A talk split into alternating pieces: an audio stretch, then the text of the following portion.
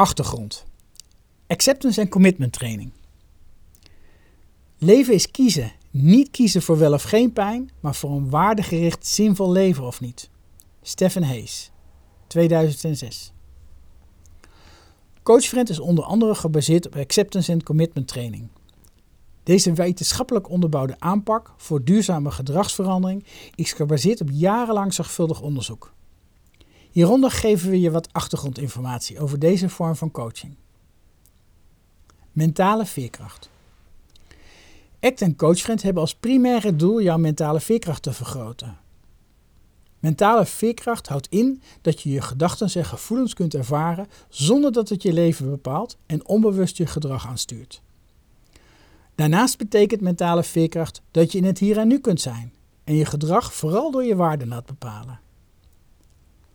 Mentaal niet veerkrachtig ben je als je je gedachten en gevoelens ziet als de letterlijke waarheid en je gedrag erdoor laat bepalen. Je gedachten en gevoelens verhinderen dan dat je het leven aangaat en ervaringen opdoet in het hier en nu. Je bent aan het vermijden. Je doet niet wat je zou willen doen en je bent niet wie je zou willen zijn. Je hebt dan meestal geen besef dat je wel degelijk keuze hebt. Je gedrag is vaker automatisch en patroonmatig. Mentaal niet veerkrachtig zijn belemmert je daardoor vaak in het aangaan van effectieve relaties en samenwerkingsverbanden.